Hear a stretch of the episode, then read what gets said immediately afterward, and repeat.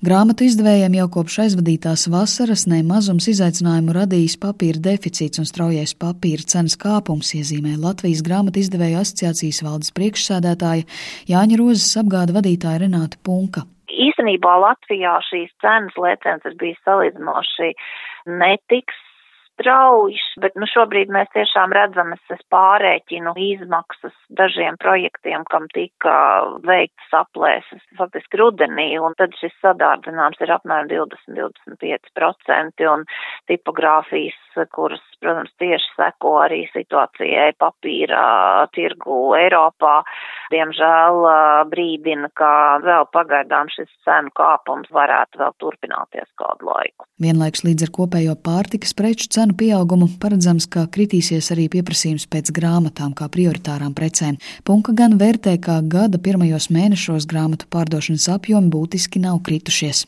šo cenu kāpumu daļai izlīdzina no šī gada janvāra no 12 uz 5% pazeminātā PVN likme. Tā kā daļa pircēja, es domāju, tik skarbi šo cenu sadārdzinājumu neizjūt, bet nu, nevienam droši vien arī nav noslēpums, ka grāmatu cenas ietekmē gan transporta izmaksas globālajā līmenī, kas notiek, gan arī, diemžēl, un Eiropā jau mēs esam viena no valstīm, kur visvairāk vairāk tērē no savā mm, patēriņa groza tām ikdienas vajadzībām un visam citam paliek pāri mazāk vidēji, ņemot šos ciparus. Un tas, protams, ir ārkārtīgi skumji. Runājot par lētākām papīra alternatīvām, kā elektroniskās grāmatas, gan izdevēja, gan rakstnieku savienības priekšsēdētājs Arno Junze norāda, ka Latvijā pieprasījums pēc tām pat laban ir zems, un arī autori uz to vairāk raugās kā uz piedevu drukātajām grāmatām, kas līdz šim dod galvu galvenos ienākumus. Tāpat Junze vērtē, ka prognozējamais grāmatu pieprasījuma kritums īpaši varētu ietekmēt jauno rakstnieku paudzi negribās jau arī, nu, tā kā celt paniku, bet katrā ziņā viss tās informācijas, kas šobrīd ir jau liecina, ka nekā laba nebūs tur, jo, ja, teiksim, Rīgas domas amatpersonas aicina veidot uzkrājumus, lai varētu samaksāt par apkur, nu, kurš tad vēl varēs atļauties tās grāmatas nopirkt, un, un pat labam latviešu literatūrā ienāk ļoti daudz jaunu autoru. Bet šie jaunie autori, viņi, manuprāt, viena daļa domā drusku komerciālāk un mēģina rakstīt žanru literatūru un visādus detektīvus un dāmu romānus un romantiskos romānus, kā nu kurš, un ja viņi redzēs, ka viņi ar to nevar dzīvot un nevar neko nopelnīt, viņi kā jauni cilvēki no tās literatūras arī būs spiest aiziet, un tā pauģu maiņa nenotiks, un tad būs diezgan liela stagnācija, un arī autoriem, kuri jau ir, manuprāt, šobrīd ir diezgan grūti noturēties.